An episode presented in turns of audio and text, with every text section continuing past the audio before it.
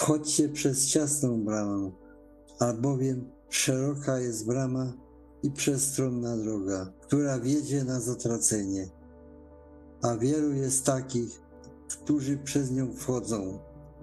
A ciasna jest brama i wąska droga, która prowadzi do żywota. I niewielu jest tych, którzy ją znajdują.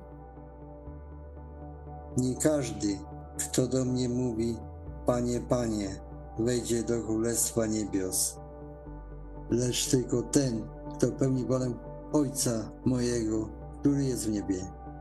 W owym dniu wielu mi powie, Panie, czyż nie prorokowaliśmy w imieniu Twoim i w imieniu Twoim nie wypędzaliśmy demonów i w imieniu Twoim nie czyniliśmy wielu cudów?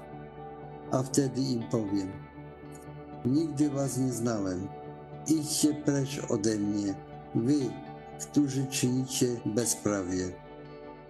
Każdy więc, kto słucha tych słów moich i wykonuje je, będzie przyrównany do męża mądrego, który zbudował dom swój na opoce.